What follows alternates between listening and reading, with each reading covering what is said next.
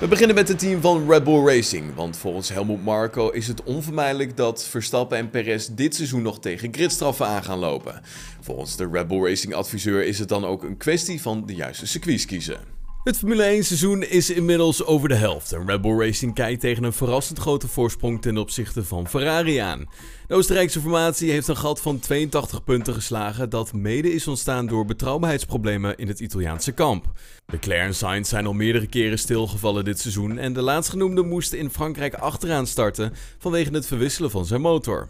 Volgens Marco is het kampioenschap echter nog verre van beslist. Zo zullen Verstappen en Perez ergens eh, in de tweede helft van het seizoen tegen de straf aanlopen, omdat er nieuwe onderdelen in de RB18 moeten worden gelegd.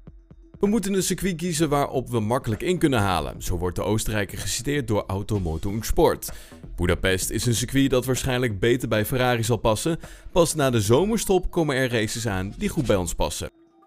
Ja, de tweede helft van het seizoen wordt afgetrapt met de Grand Prix van België, waar inhalen doorgaans geen probleem is. Ook Monza is vaak een geliefde locatie voor een gridstraf. Ferrari introduceert na de zomerstop een verbeterde variant van de krachtbron, waardoor in ieder geval Sainz waarschijnlijk nog een keer tegen een gridstraf aan zal lopen. En de toekomst van zowel Sebastian Vettel als Mick Schumacher blijft voorlopig nog niet helemaal duidelijk. Jack Ploy claimt echter een primeur te hebben over het Duitse duo. Vettel die stopt ermee en zijn goede vriend Schumacher neemt zijn plek over bij het team van Aston Martin. Ja, afgelopen zondag bij het racecafé zat Jack Ploy om de Grand Prix van Frankrijk voor te beschouwen en deelde daar aan tafel de primeur aan zijn collega's.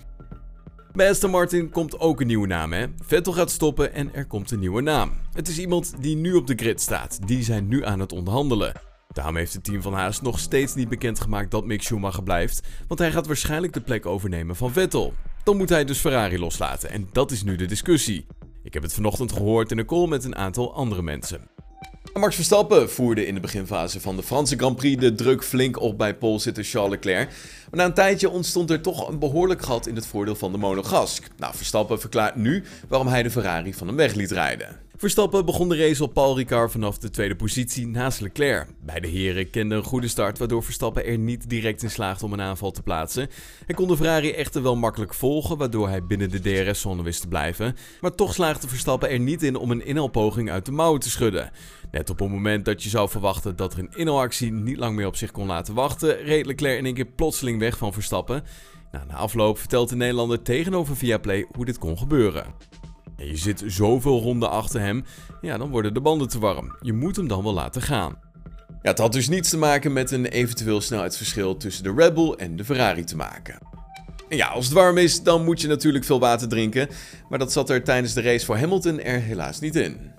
Ja, het was een zware race, want mijn drinksysteem deed het niet. Zo begon Hamilton na de race tegenover David Coulthard. De betrouwbaarheid is bij ons team fantastisch, dank daarvoor aan de mensen hier op het circuit en in de fabriek. Maar ik denk dat ik wel 3 kilogram ben verloren vandaag. Kijk er naar uit om wat te drinken.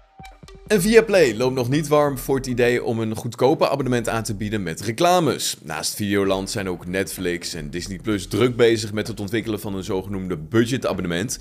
Maar Viaplay gaat dit voorbeeld op korte termijn echter niet volgen, zo heeft CEO Anders Jensen na bekendmaking van de kwartaalcijfers laten weten. Een andere prijs kan voor onduidelijkheid zorgen bij de consument over de waarde van onze dienst, zo laat hij weten. Nou, Viaplay in de toekomst wel met een budgetoptie gaat komen, dat weet hij nog niet.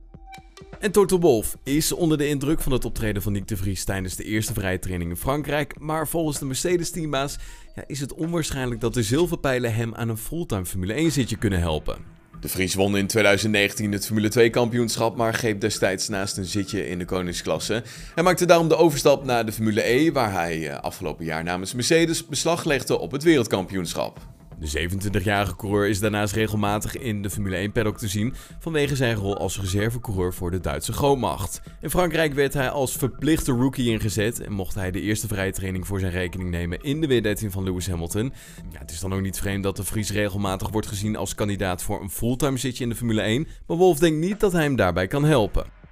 Als we hem niet kunnen voorzien van een interessant Formule 1-project, ja, dan moet je hem laten gaan. Hij bekijkt de verschillende opties, sportwagens en misschien Formule E, maar je moet nooit de mogelijkheid opgeven dat er op een dag een deur in de Formule 1 open gaat. Ja, het team van Mercedes kan volgens Toto Wolff hem niet verder helpen. We kunnen andere teams niet vertellen dat ze naar hem moeten kijken en hem moeten overwegen. Dat ze voelen als inmenging, en dan gaan we de verkeerde kant op. Aldus Wolf tegenover Sky Sports. En dat was hem dan, de weekcompilatie van deze week. Heb je genoten van deze aflevering? Laat je dan horen op onze Apple Podcast pagina of vergeet ons niet te volgen op Spotify. En dan zie ik je morgen weer. Tot dan. Hoi.